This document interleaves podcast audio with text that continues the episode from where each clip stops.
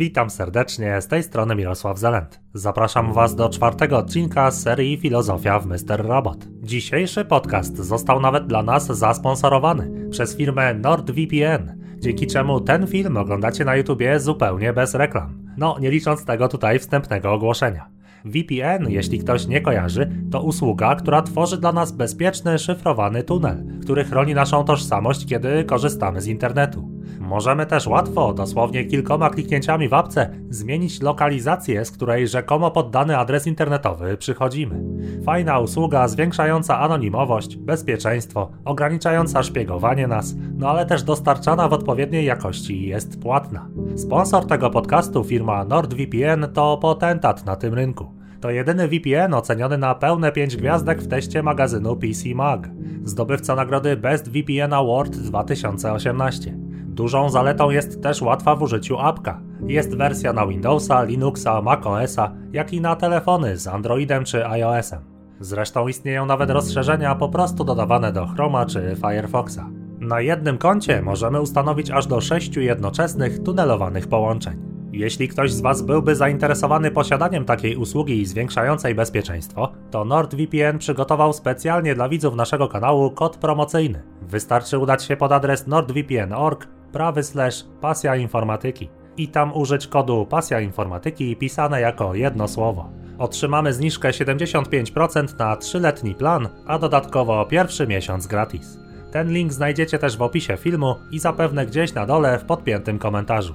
Oczywiście zawsze upewnijcie się, czy kod na pewno nadal działa w koszyku. No w zależności od tego, kiedy oglądacie ten film. Wiadomo. Firmie NordVPN dziękujemy za takie wsparcie podcastu i cieszymy się, że taką ofertę dla Was mimo braku czasu udało się nam zgrać i zorganizować. I to tyle jeśli chodzi o sponsora tego podcastu. Teraz przejdźmy już do właściwej treści odcinka. Najpierw standardowo disclaimer. Uwaga, dzisiejsza analizowana w podcaście scena pochodzi z sezonu drugiego serialu, a konkretnie z odcinka piątego tej drugiej serii.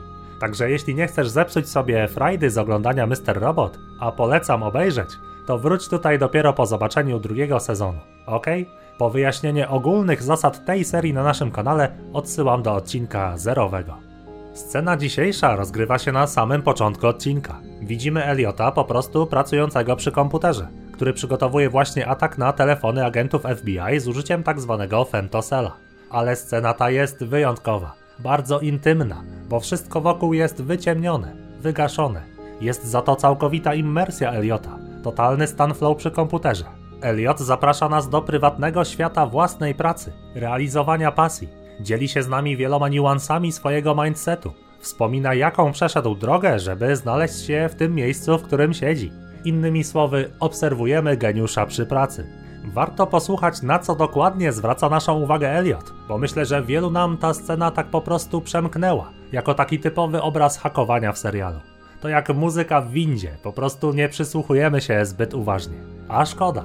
Więc posłuchajmy teraz, co też Elliot dokładnie powiedział w tej dość dynamicznej scenie, rozgrywającej się na podzielonym ekranie, z bardzo ograniczonym światłem, ze skupieniem jedynie na twarzy naszego protagonisty, na monitorze jego komputera oraz napisanych przez niego liniach kodu. Opowiadając o ataku, Elliot wypowiedział następujące słowa. Krok pierwszy. Poznaj cel. Znajdź jego słabe punkty. One zawsze istnieją. Nauczyłem się tego dość wcześnie w życiu.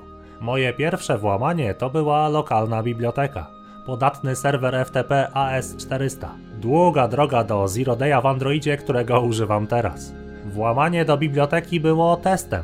Chciałem sprawdzić, czy w ogóle zdołam dostać się do systemu.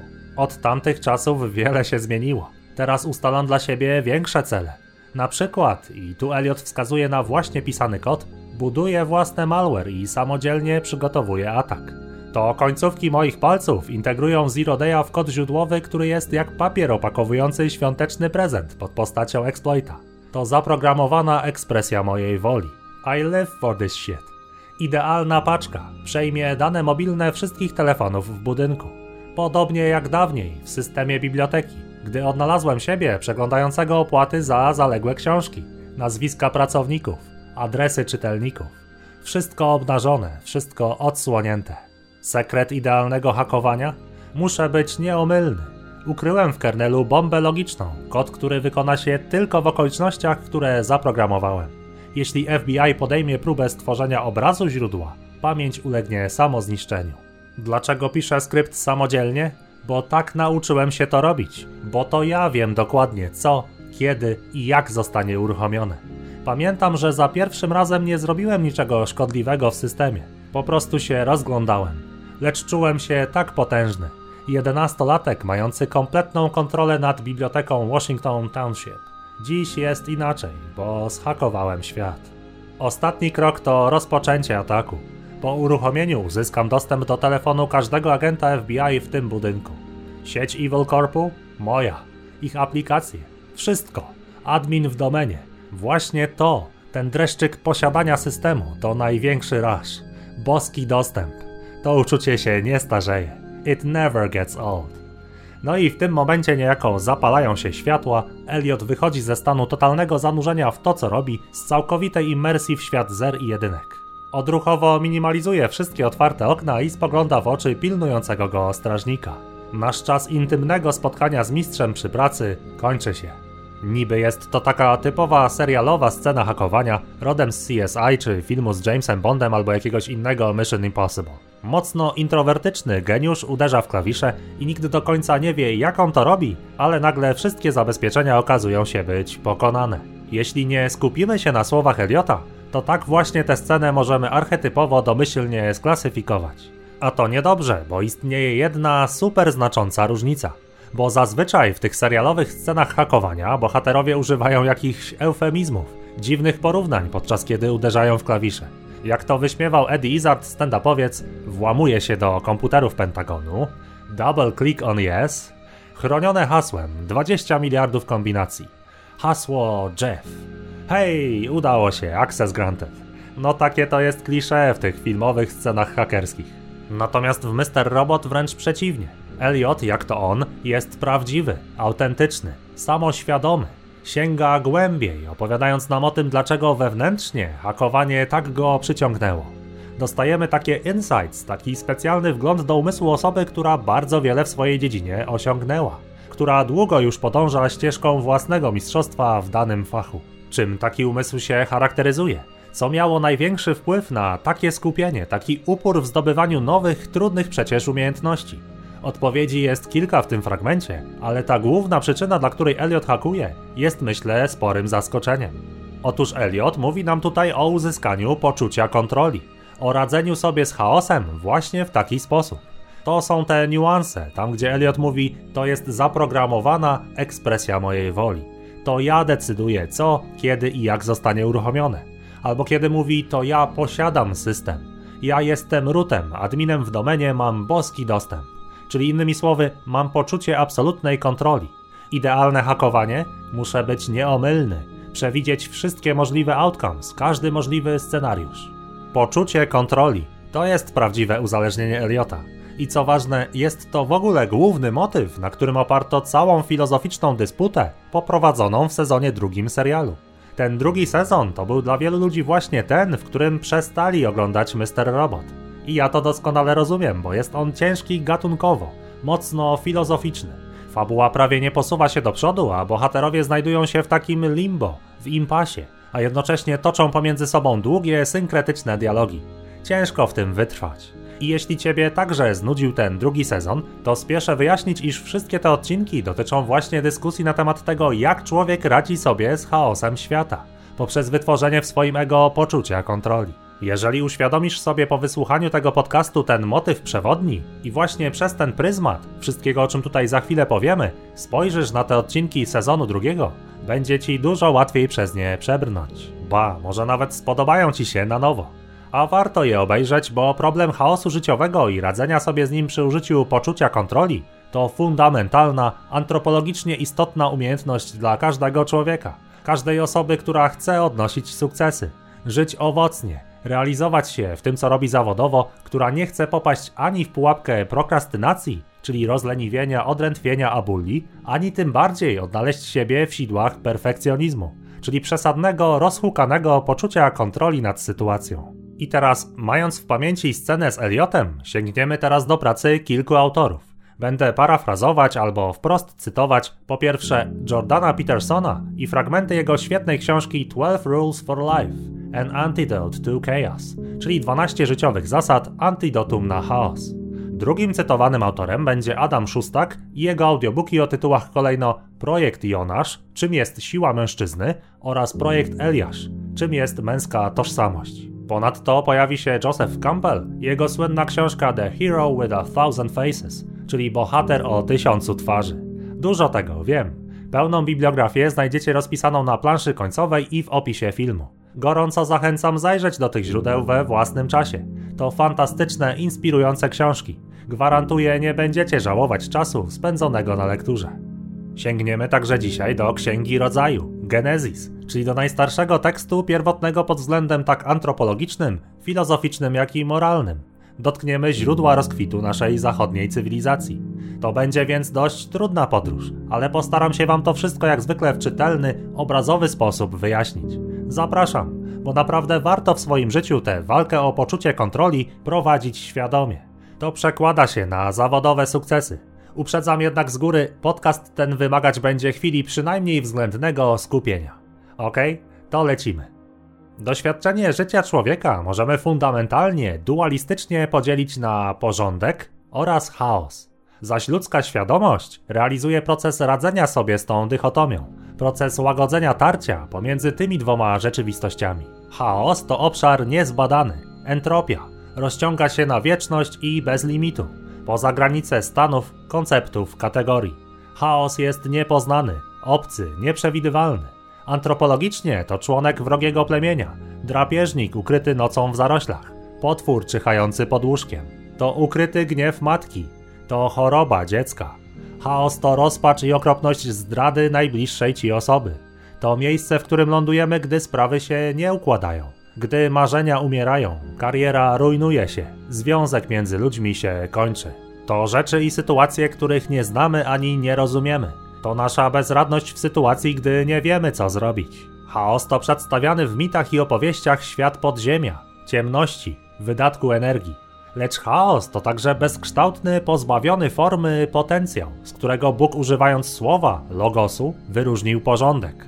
To ten sam potencjał, z którego czerpiemy my, stworzeni na obraz Boga, aby oryginalnie odkrywać, rozwijać się, osiągać cele w pionierskich dla nas dziedzinach. Jako wolni ludzie uczyć się rzeczy świeżych i tworzyć nowatorskie skojarzenia zmieniające paradygmaty. Chaos to zatem także autonomia, groźna, obosieczna, ale i frywolna, bo płodna twórczo wolność. Porządek zaś oznacza poznane terytorium. To licząca tysiące lat hierarchia pozycji społecznej, statusu, autorytetu. To hierarchia wsparta także biologicznie, bo to siła doboru naturalnego, jakości genów, zdolności do najlepszej reprodukcji gatunku. Porządek to plemię, religia, dom, kraj. Antropologicznie to ciepłe schronienie, miejsce, gdzie płonie ogień kominka, gdzie bawią się dzieci. Porządek to flaga narodowa, siła rodzinnej tradycji, to wartość pieniądza, to ławki w klasie, to także podłoga pod twoimi nogami i ustalony przez ciebie plan dnia. Porządek to nawyki, samodyscyplina, ustalone cykle przyrody, kalendarz, rozkład jazdy pociągów, zegar na ścianie. To publiczna fasada, maska wypracowanej uprzejmości, którą nosimy w społeczeństwie.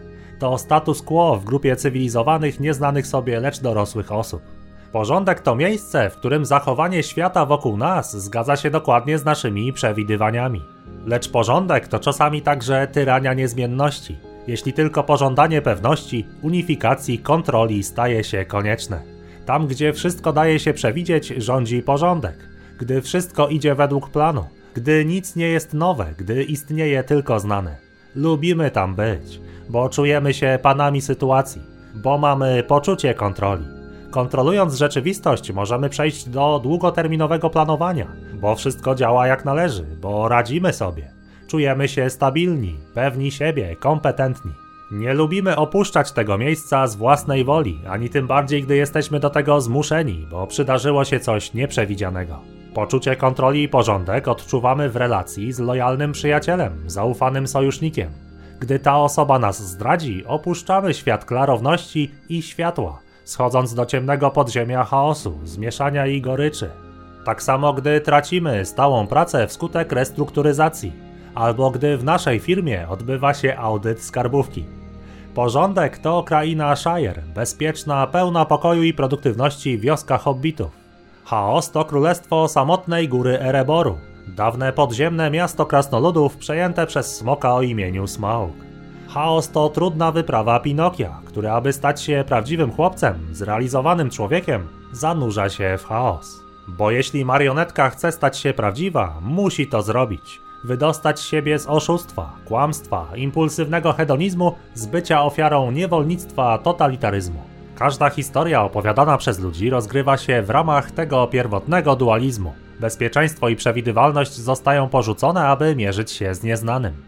Skutkiem tego zmagania jest transformacja, bifurkacja, której doświadcza człowiek. Buddha po raz pierwszy opuszcza rodzinny pałac i spotyka ludzkie cierpienie. Chrystus opuszcza Nazaret, udaje się na pustynię i potem rozpoczyna swoją misję, zakończoną krzyżem. Neo wychodzi z Matrixa, podejmuje walkę o wolność i poznaje, czym jest miłość. Luke Skywalker opuszcza farmę wuja w Tatooine, niszczy Gwiazdę Śmierci i przyłącza się do rebelii przeciwko Imperium. Przykłady można mnożyć. Jak to pięknie ujął Joseph Campbell w swojej książce, to jeden archetypowy bohater opowieści, lecz mający tysiąc twarzy. Więcej na ten temat powiedziałem już w drugim odcinku podcastu Wojownik Poeta i tam odsyłam po więcej szczegółów w tym kontekście. A zatem chaos i porządek to dwa najbardziej fundamentalne wymiary doświadczenia życia człowieka. Dwie podstawowe subdywizje bycia. Lecz chaos i porządek to nie rzeczy, które będąc częścią świata materialnego z natury są martwe. Nie, już w kulturach starożytnych i w tradycjach duchowych przeszłych pokoleń, jak i w kategoriach filozoficznych, porządek i chaos utożsamiane są zawsze z żywymi osobowościami. To atawistyczny podział na dwie płcie. I tak porządek odpowiada osobowości męskiej, zaś chaos to uosobienie energii kobiecej. Ten dualizm jest starszy niż człowiek. Jest na zawsze zakorzeniony w archetypowej, kategoryzującej części rdzenia naszego ego.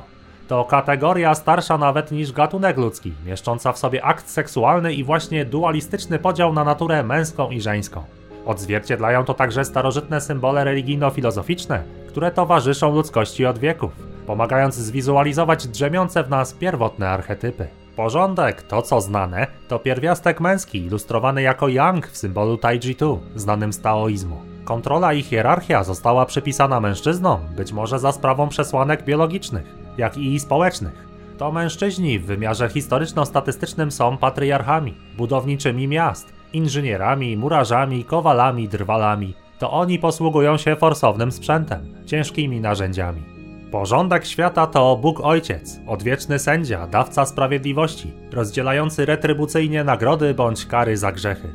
Porządek to armia żołnierzy, kordon policji, porządek polityczny, drabina korporacyjna, system finansowy. To karty kredytowe, szkolne klasy, kolejki przy kasach w supermarketach, światła drogowe na ulicy. Lecz ta hierarchia, układ, totalna kontrola, wzniesiona do granic absurdu, niezrównoważona w żaden sposób potrafi przerodzić się w piekło tyranii, przymusowych migracji, obozów koncentracyjnych czy wysysającego duszę korporacyjnego wyścigu szczurów. Chaos, to co nieznane, to pierwiastek przypisywany osobowości kobiecej, reprezentowany jako yin w symbolu Taiji-Tu, znanym z taoizmu. Chaos i jego niezbadany, lecz twórczy i płodny wymiar przypisano kobiecie po części ze względów biologicznych. Wszystkie rodzące się żywe organizmy przychodzą przecież z bezforemnego potencjału. Rodzimy się wszyscy jako ludzie z matek. A chaos to właśnie materia, czyli substancja, z której wszystko przyjmuje formę. To płodne źródło, macierz życia, świeżość i roziskrzona omnipotencja. Lecz chaos wzniesiony do granic nasycenia, niezrównoważony w żaden sposób prowadzi do anarchii, atawizmu, instynktowności. Chaos to także bezlitosna siła naturalnej selekcji seksualnej. Każdy człowiek posiada dwa razy więcej żeńskich przodków aniżeli męskich.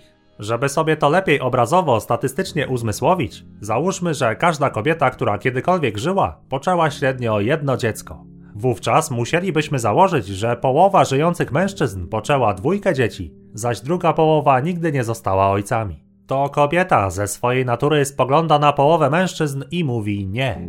Dla mężczyzny jest to bezpośrednie zderzenie z chaosem. To dewastująca siła, gdy zostaje odrzucony. Ta skłonność kobiety do mówienia nie to przewodnia siła, która pokierowała naszą ewolucję na tory kompetytywnej, agresywno-dominującej rywalizacji z użyciem wielkiego mózgu, która prowadzi do elitarności wybranych jednostek, dobrze opisanej zasadą Pareto. Ten dualizm porządku i chaosu odnajdziemy w wielu symbolach religijno-filozoficznych, które towarzyszą nam od wieków. Mówiliśmy już o Taiji-Tu, który tak pięknie czarno-biało obrazuje właśnie dualizm. Ta spiralna krzywizna podziału, zakreślona jak przez ruch węża, reprezentuje niejednorodność tej dychotomii. To nie jest prosty liniowy podział, ponadto występują tu dwie głowy, czyli te dwa obszary kontrastowe. To paradoksalny porządek rodzący się z nadmiaru chaosu, bądź chaos wynikający z nadmiaru porządku. To wyrażenie istnienia potrzeby równoważenia ekstremów. Kolejny symbol, gwiazda Dawida, złożona jest z dwóch trójkątów. Jeden z nich, oznaczający pierwiastek męski, zwrócony jest w górę, drugi trójkąt kobiecy przeciwnie w dół. Podobnie symbol Yoni Lingam w hinduizmie. Yoni obrazuje boginię Shakti, pierwotną płodną energię wszechświata, pierwiastek żeński, często dekorowany obrazem węża. Lingam reprezentuje Shiva Lingę, pierwiastek męski. W Egipcie z kolei dychotomie te wyrażały postacie Ozyrysa, autorytarnego sędziego, oraz Izydy, bogini płodności, której towarzyszyły zawsze dwie kobry, często zwrócone do siebie obliczami. W mitologii chińskiej zaś odnajdziemy parę o imieniach Fushi i Nua, ludzi, którzy jako jedyni ocaleli z wielkiej powodzi. Nua zostaje więc pramatką, a Fushi praojcem gatunku ludzkiego. Symbolicznie przedstawiani są jako dwa splecione ze sobą węże. Mężczyzna, kobieta, wąż. Z czym kojarzy nam się ta najstarsza, przekazywana w przeróżnych kulturach opowieść? Z księgą rodzaju, Genezis. Niezależnie od tego, w co wierzymy, dotykamy tutaj najbardziej elementarnego, najstarszego, przekazywanego od niepamiętnych czasów apokryfu. Jaką prawdę o nas ujawnia ta opowieść? Oczywiście wszyscy pamiętamy kanon tej historii. W dużym skrócie, wąż kusi Ewę, aby spożyła owoc z jednego jedynego drzewa, z którego Bóg zabronił jeść. Ewa ulega, przekazując również owoc Adamowi. Oboje rozpoznają swoją nagość, ukrywają się przed Bogiem, a ten dowiedziawszy się, że zjedli owoce, wygłaszając stosowną przemowę, wydala ludzi z Edenu. Co to wszystko znaczy? No, interpretacji jest mnóstwo. Jest to niewątpliwie tekst spędzający sens powiek każdej osobie zainteresowanej filozofią. Moja osobista interpretacja w najważniejszym miejscu jest dość dosłowna. To znaczy, to zakazane drzewo, jaką nosiło nazwę? Otóż to było drzewo poznania dobra i zła.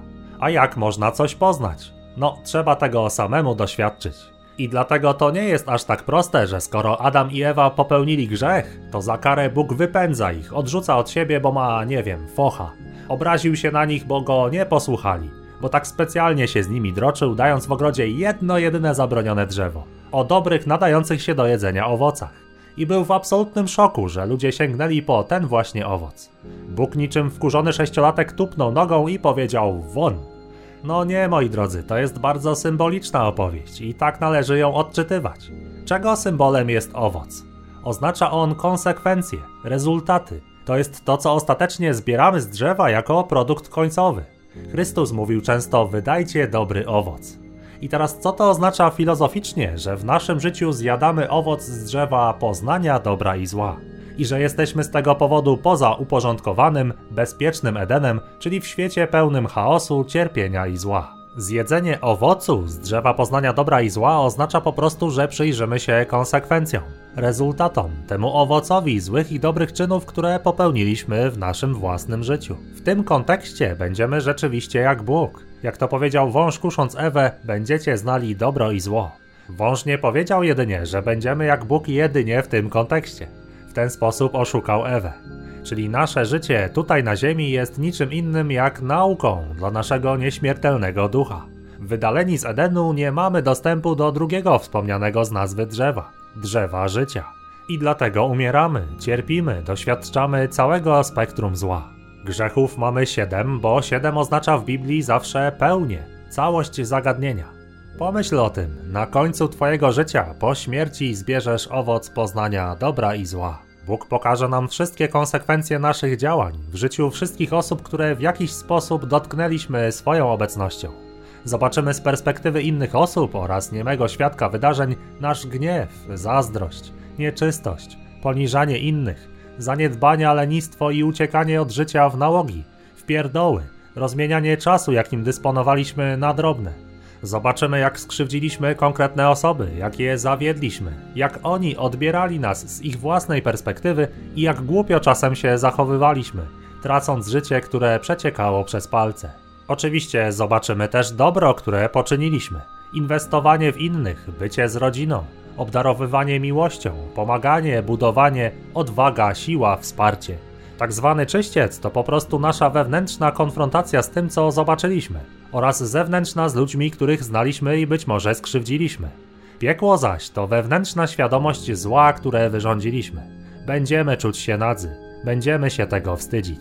Człowiek to coś więcej niż zwierzę. Nie działa tylko instynktownie, lecz stworzony na boski obraz, na Boże podobieństwo jest świadomy, może dokonywać wyborów. Życie w świecie pełnym cierpienia ma nam pokazać konsekwencje, czyli owoce dobra i zła. Takie jest znaczenie zjedzenia owocu. W wierze chrześcijańskiej to nasze życie tutaj jest wygnaniem z domu Ojca, które ma nas czegoś nauczyć. Człowiek po śmierci to ten syn marnotrawny, powracający roztrwoniwszy majątek, ten, który nawet nie chce spojrzeć ojcu w oczy. Wstydzi się, bo wie jak wiele spieprzył dla siebie i innych. Zobaczył konsekwencje zła, które wyrządził. Zjadł owoc z zakazanego drzewa. Majątek, który trwonimy, to ten, który widać u dzieci. To nasza niewinność, ciekawość świata, cała masa energii do bycia tu i teraz, brak zniechęceń, zero pychy, naturalny stan bycia. To właśnie dzieci, jako jedyne stworzenia ludzkie, nie są świadome tego, że są nagie, bo są niewinne. Ale uwaga, owoc z drzewa poznania dobra i zła ostatecznie jest w tej historii dobry do jedzenia. Nie jest może słodki, nie jest łatwy do pogryzienia. Nie życzył nam tego Bóg, bo mówi nie jedz. Jeśli możesz, to zaufaj mi i nie jedz. A w przypowieści o synu marnotrawnym mówił pewnie nie jedź. Jeśli możesz, to zaufaj mi i nie jedź. Ale teoria pozostaje teorią, dopiero doświadczenie uczy. To tak jakby Elliot chciał się nauczyć hakowania tylko z książek czy artykułów, a sam nie dotykałby klawiatury. W ten sposób nie nauczymy się hakowania, programowania, prowadzenia samochodu, gotowania i ostatecznie bez doświadczenia nie zrozumiemy też konsekwencji dobra i zła. Bóg nie jest patriarchalnym tyranem, który skazuje nas na banicję, który spogląda z góry na nasze cierpienie i mówi: Ha, dobrze ci tak, dobrze, że ci zmarła matka, dobrze, że cię żona zdradza, dobrze, że masz raka. Nie, Bóg tego nie chce, jest jak kochający ojciec. Wziąłeś owoc? Dobra, jedz. Wziąłeś połowę majątku? Dobra, jedź. Ten sam ojciec czeka codziennie na syna, spoglądając na drogę przed domem. Bo prawdziwie kochający ojciec nie zamknie dziecka w złotej klatce. Nie odbierze mu wolności, tylko pozwoli samodzielnie doświadczać. Czasem i sparzyć się, skaleczyć, pocierpieć, a nawet przepuścić połowę majątku. Dlatego jeśli ktoś mnie pyta, dlaczego Bóg stworzył świat, w którym jest tyle cierpienia, to odpowiedź brzmi po pierwsze, to nie koniec, bo to jest stan tymczasowy, a po drugie, Bóg pozwala istnieć złu, żebyś był wolny. Żebyś sam zrozumiał pod koniec życia konsekwencje swoich czynów, jako że sam chciałeś zjeść owoc poznania dobra i zła. A jak zauważyła Ewa w Księdze Rodzaju, owoce tego drzewa nadają się do zdobycia wiedzy. I właśnie kolejna sprawa, zawsze budząca wiele emocji, dlaczego to właśnie Ewa jest tą, która sięga jako pierwsza po zakazany owoc. No, my już w świetle tego, co powiedzieliśmy, wiemy skąd taka decyzja. Energia kobieca to właśnie chaos, nowość, to wysiłek, dyskomfort poznania dobra i zła. To świadome bycie poza porządkiem raju, na wielkiej wyprawie życia, gdy nie wiadomo, co będzie jutro. To Pinokio, który chce stać się prawdziwy i rozpoczyna swoją podróż. To Buddha poza bezpiecznym terenem pałacu. Simba opuszczający lwią ziemię. Chrystus na pustyni lub w ogrodzie Getsemani. Wiemy o co chodzi, bohater o tysiącu twarzy, odwieczny archetyp każdej opowieści, każdego życiorysu. O Ewie pięknie opowiada też Adam Szustak w swoich konferencjach, oczywiście również bazując na Księdze Rodzaju. Po pierwsze, zwraca on naszą uwagę na nieco wcześniej występujący w tej opowieści fragment, a mianowicie akt stworzenia kobiety i w ogóle zaistnienie takiej potrzeby. Otóż Bóg zleca Adamowi zadanie ponazywania stworzonych zwierząt. Adam jednak każdemu z nich nadaje to samo imię istota żywa i nie potrafi wyjść poza taką prostą definicję. Oczywiście należy rozumieć ten fakt symbolicznie. Energia męska, czyli ta uporządkowana, ale niekreatywna część naszego ducha, tworzy z użyciem języka, którym nasz umysł się posługuje, kategorię istota żywa. Jest to swego rodzaju hierarchia, nomenklatura, w dodatku bardzo uboga, bo ograniczona do jednej definicji, jednej etykiety. To wówczas Bóg mówi: Nie jest dobrze, żeby mężczyzna był sam. I co robi Bóg? Podczas snu wyjmuje Adamowi żebro i z jego użyciem tworzy kobietę. Tak jak w symbolu Taiji-Tu, cząstka mężczyzny, który powstał z prochu ziemi, pozostaje w kobiecie. To ponownie pochwała równowagi i kwantowego splątania dwóch przeciwstawnych sobie wydawałoby się energii. Stworzona w ten sposób kobieta ma w sobie bardziej boską naturę. Ten pierwiastek niepewności, chaosu, piękna, płodności. Posiada możliwość czerpania z bezkształtnego potencjału, z macierzy twórczego łona Boga. Adam widząc kobietę mówi: Ta, ta dopiero jest kością z moich kości i ciałem z mego ciała. Doznaje zachwytu jej chaotyczną, niepewną i płodną naturą. Dopiero wtedy Adam potrafi ponazywać gatunki zwierząt. Gdy mamy dostęp nie tylko do autorytarnego kategoryzowania rodzącego sztywną hierarchię, ale także do twórczej, panspermicznej, nowatorskiej macierzy idei, pomysłów, piękna. To boska iskra niepewności w nas. Oczywiście zarówno postać Adama, jak i Ewy należy odczytywać także na poziomie szerszej perspektywy duchowej. To dwie dualistycznie przeciwstawne natury jednej duszy, jednego ducha, jednego człowieka. Mamy w sobie porządek, ale mamy też twórczy, nieprzewidywalny chaos. Ta pierwotna historia Edenu jest zatem niczym fraktal, który cechuje się samopodobieństwem. Reminiscencje tego pierwotnego dualizmu, tej wydawałoby się starożytnej, antycznej historii, możemy zastosować do świata biologii, filozofii, psychologii, moralności, a nawet matematyki czy fizyki kwantowej. Wszędzie spotkamy dualizmy, plusy i minusy, przeciwstawne dwie rzeczywistości, które rozdzielone od swojego odpowiednika nie opisują dobrze natury rzeczy. Dopiero rozważane razem i to w przedziwnej synergii nieliniowego równoważenia się opisują prawdziwy stan rzeczy. Obojętnie czy to będą na przykład w psychologii potencjały psychologiczne opisane przez Karla Gustawa Junga, jak introwersja i ekstrawersja, czy to będą spiny cząsteczek w splątaniu kwantowym, czy liczby przeciwne w matematyce, albo płcie osobników w biologii, czy porządek i chaos w filozofii.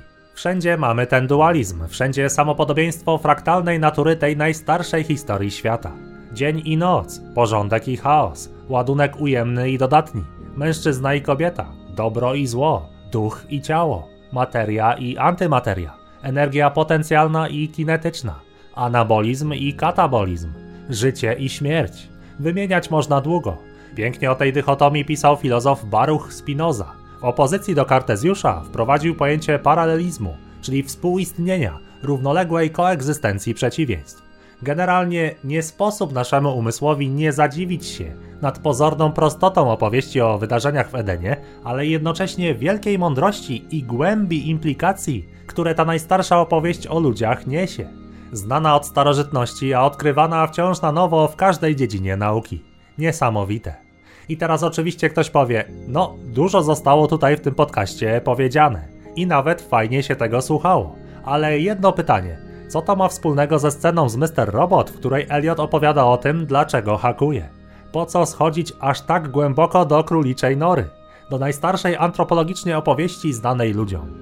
No, dobre pytanie. Sam bym takie w tym miejscu zadał. I tutaj będziemy powoli lądować, bo wiedząc to wszystko, co do tej pory usłyszeliśmy, teraz odniesiemy tę fraktalną, samopowtarzalną naturę tej pierwszej opowieści, tego pierwotnego dualizmu porządku i chaosu, Odniesiemy to do jednego następującego kontekstu. Jak skutecznie wykorzystać to, co wiemy w rozwoju zawodowym, w nauce, w osiąganiu celów. Jak podążać ścieżką własnego mistrzostwa, aby podobnie jak Eliot w hakowaniu stać się mistrzem w swoim wybranym fachu. Jak cała ta filozoficzna, antropologiczna wiedza może mi pomóc na co dzień. Żyć lepiej, pełniej, realizować swój potencjał. Macie jeszcze siłę? Jeśli nie, to zróbcie sobie tutaj przerwę. Niech to wszystko, co powiedzieliśmy dzisiaj, najpierw poukłada się w głowie. Bo czeka nas teraz kolejny ważny segment. Ostatni już co prawda rozdział tego podcastu, ale również wymagający względnego skupienia. Ok, lecimy. Czego uczy nas dychotomia porządku i chaosu w kontekście zawodowym? No tego, że do skutecznej nauki potrzebna jest odpowiednia proporcja, pewna równowaga. I błędem, który statystycznie najczęściej popełniają ludzie, a szczególnie ich umysły, jest zbytnie zaufanie porządkowi i niemal całkowite zrezygnowanie z chaosu. Początkowo na wczesnym etapie zepsucia tej naturalnej tendencji do ekspansji, tej ciekawości pójścia w nieznane, którą wszyscy naturalnie mamy jako dzieci.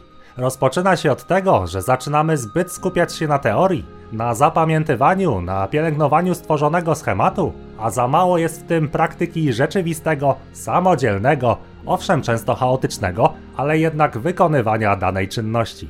To jest zresztą grzech główny publicznej szkoły, która uczy nas zapamiętywania olbrzymich ilości informacji, ale rzadko pozwala tego użyć w praktyce.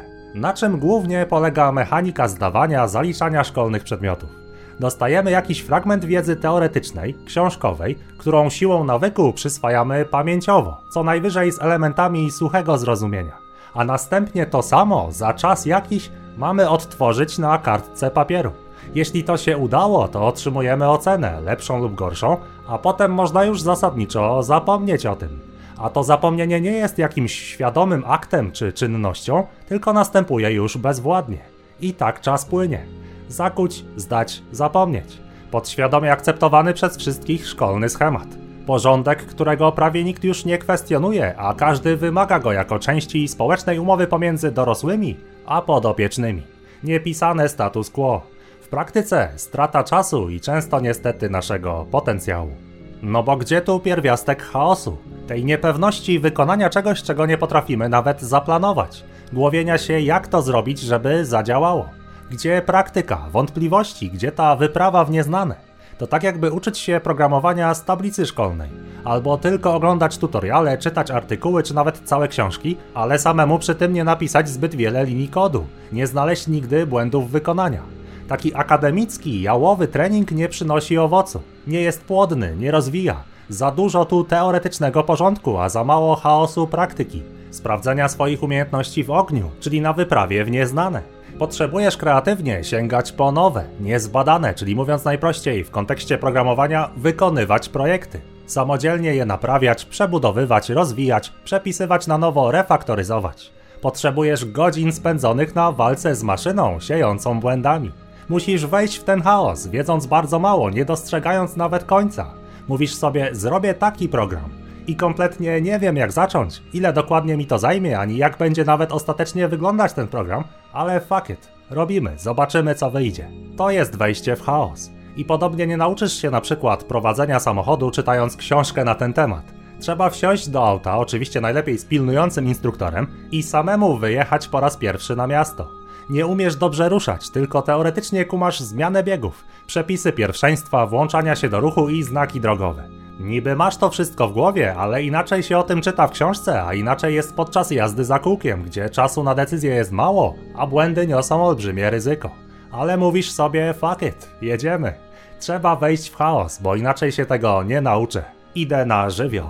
I oczywiście nie chodzi tu o całkowity chaos, bo jednak uporządkowany i zdyscyplinowany instruktor czuwa, masz też wiedzę teoretyczną, ale jednak duża doza chaosu z racji tego, że musisz to wykonać samodzielnie, istnieje. Ta niepewność, ten wymagany pierwiastek chaosu to jest to, co coachowie nazywają byciem poza strefą komfortu. I choć brzmi to jak klisze, to akurat tutaj mają rację.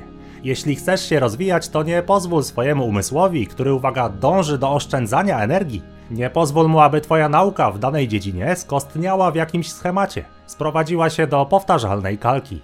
Stojąca woda śmierdzi, zarasta zielskiem. Ona musi płynąć. Chaos, dyskomfort, trudność i nowość muszą być obecne w realizowanym przez ciebie procesie. Jeśli wszystko jest znane i nie ma w treningu płodnego chaosu, pojawi się wewnętrzne, duchowe odczucie pod tytułem Ta praca mnie nie rozwija, chyba muszę ją już zmienić. Ta szkolna nauka niewiele mi daje. Zaliczę co muszę, ale zajmę się moją pasją w swoim wolnym czasie. Takie myśli są jak najbardziej naturalne i mamy je właśnie z powodu tego, że podświadomie czujemy, że za mało jest tu chaosu że coś jest nie tak. Kolejna kwestia to szczególnie niebezpieczny etap, gdy opuścimy już grono osób totalnie początkujących, gdy nie jesteśmy już newbie. Bo zazwyczaj rozumiemy, iż w początkowej fazie nauki w danej dziedzinie musi nam towarzyszyć chaos. To znaczy czujemy się tak totalnie zieloni, że nie mamy problemu z pójściem w nieznane, bo w zasadzie wszystko jest nowe i świeże w tej dopiero co poznawanej dziedzinie. Potrafimy więc ponosić porażki, nie przejmujemy się poczynionymi błędami, no bo jesteśmy początkujący, skąd mieliśmy wiedzieć, że to się robi tak czy inaczej. Natomiast problem często pojawia się później, U progu drogi do mistrzostwa. Brama prowadząca do tej drogi jest ciasna. Ścieżka ta jest trudno zauważalna i dlatego niewielu ją znajduje. Dlaczego?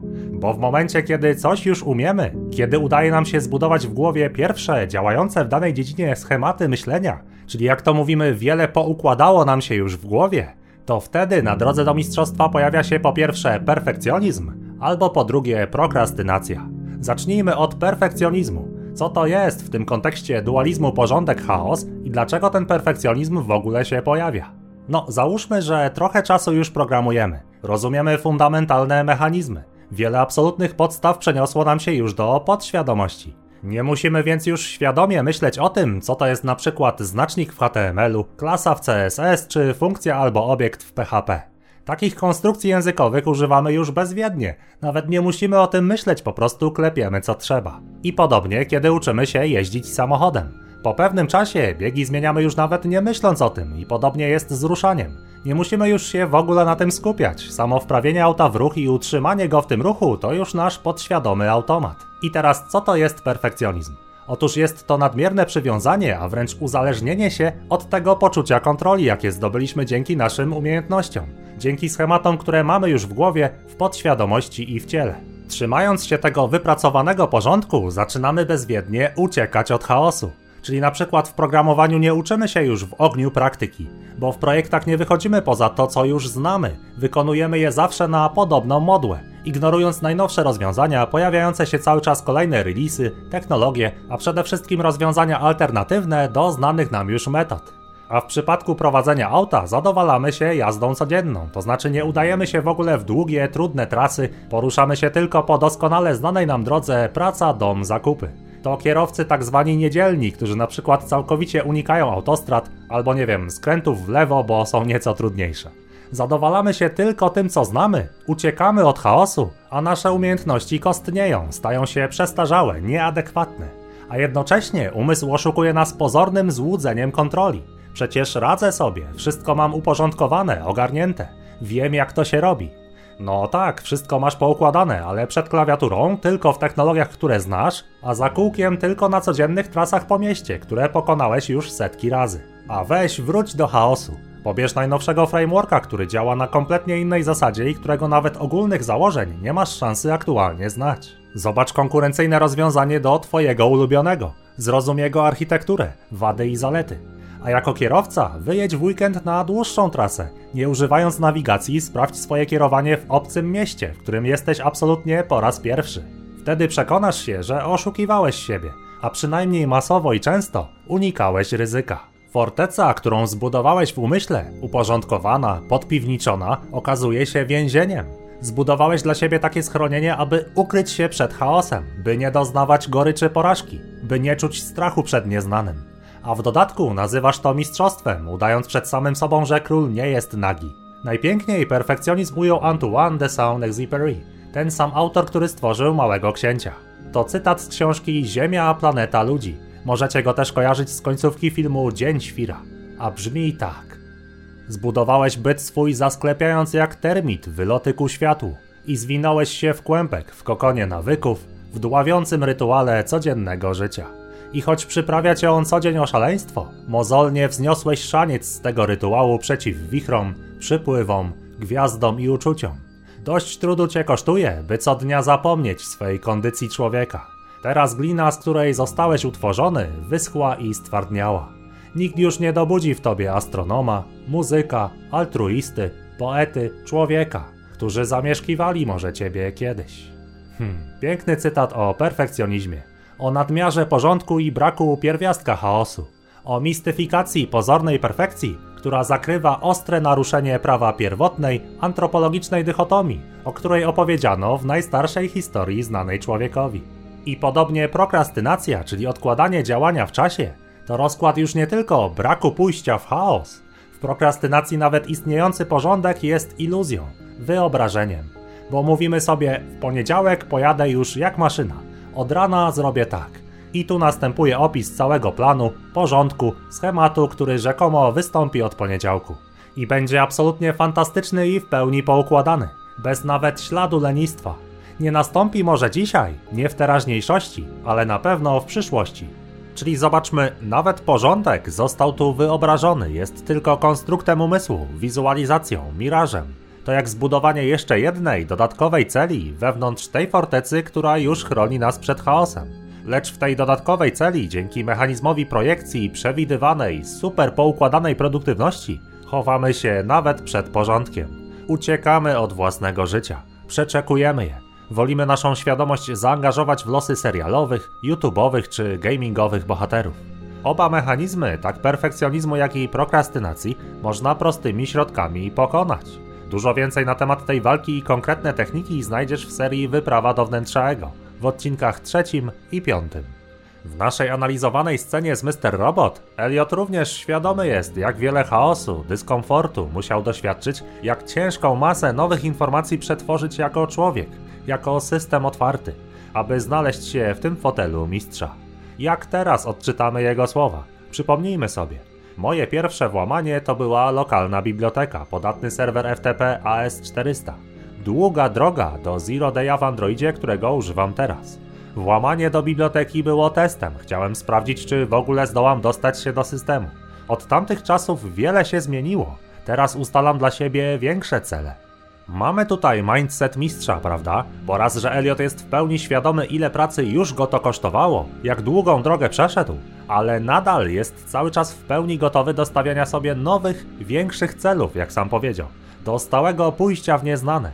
To u niego wręcz odruch. On pokochał tę niepewność. Nie ma tu typowego perfekcjonizmu, ani tym bardziej prokrastynacji. Nie ma napawania się zdobytym porządkiem. Mistrz używa porządku i poczucia kontroli, ale nie zapomina o pójściu w nieznane. Nie neguje potrzeby istnienia ciągłego kontaktu z chaosem, z nowym. Znamy to wszyscy. To, że wczoraj zrobiłem trening, nie sprawia magicznie, że dziś także na pewno będzie mi się chciało ćwiczyć. Owszem, wytworzony nawyk pomaga, ale niczego nie gwarantuje. Człowiek codziennie toczy duchową walkę. Każdego dnia trzeba przypilnować na nowo, aby nie uciekać od chaosu, od dyskomfortu, od wzięcia odpowiedzialności. Dlaczego tak jest? Ponownie to Księga Rodzaju przynosi odpowiedź. To moment, gdy Bóg, dowiedziawszy się o zjedzeniu owocu poznania dobra i zła przez człowieka, wygłasza przemowę, tuż przed wygnaniem Adama i Ewy z raju. I to jest po prostu genialny fragment, bo Bóg mówi do mężczyzny tak: Przeklęta niech będzie ziemia z twego powodu. W trudzie będziesz zdobywał od niej pożywienie dla siebie po wszystkie dni twego życia. Cierń i oset będzie ci ona rodziła, a przecież pokarmem twym są płody roli. W pocie więc oblicza twego będziesz musiał zdobywać pożywienie, póki nie wrócisz do ziemi, z której zostałeś wzięty, bo prochem jesteś i w proch się obrócisz. O czym tu jest mowa? Czego dowiaduje się ta męska część ducha, czyli ta nasza uporządkowana natura, to co znamy i kontrolujemy, te nasze schematy. Bóg mówi: pójdziesz w trud, chaos, dyskomfort. Trzeba, żebyś się pocił, żebyś toczył walkę z cierniami i ostami, żebyś uprawiał rolę. A i tak to wszystko, co stworzysz, jest prochem. Wróci do ziemi, zje to robak, zniweczy to śmierć.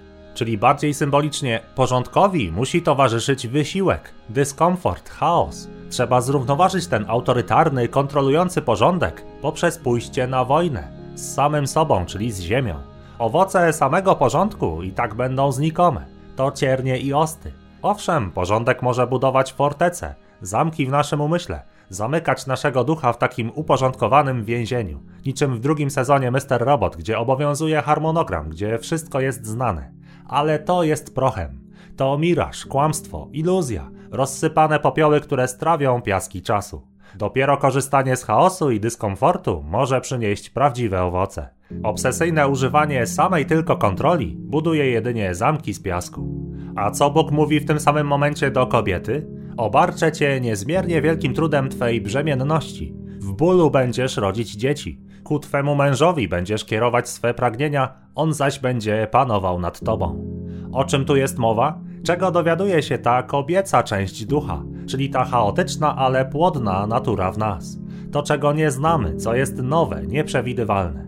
Bóg mówi: Porządek będzie panował nad tobą. Będziesz ku niemu kierować swoje pragnienia. Będziesz dla niego rodzić w bólach.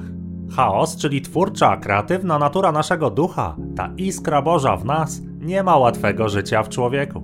Spychamy ją w umyśle, więzimy ją w fortecach z piasku, uciekamy od niej, chowamy się przed jej widokiem. Co to znaczy, że ona kieruje ku nam swoje pragnienia? No a zdarzyło ci się kiedyś mieć takie wewnętrzne powołanie, że coś musisz zrobić. Miotasz się, nie wiadomo czemu, męczysz, bo ta nieznana, wołająca ku przygodzie część twojego ducha wzywa. To dlatego wychodzimy z domu rodzinnego i zakładamy własny dom.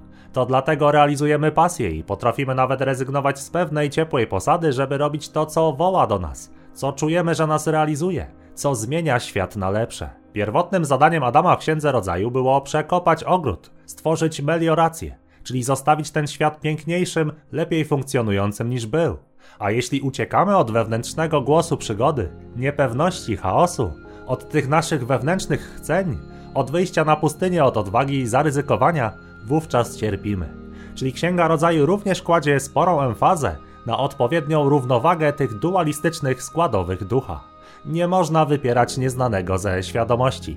Od dziś weźmy to pod uwagę, realizując ścieżkę naszego rozwoju w zadanej dziedzinie.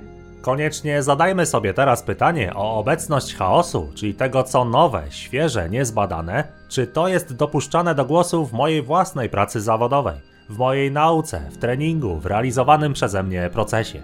Niby to wiemy, że jedyny trening, który rzeczywiście działa, to taki, podczas którego doświadczamy dyskomfortu, gdy w danej lekcji pojawiło się coś totalnie nowego, coś co nam wręcz rozorało banie. Niby to wiemy, ale jak zachowujemy się naprawdę?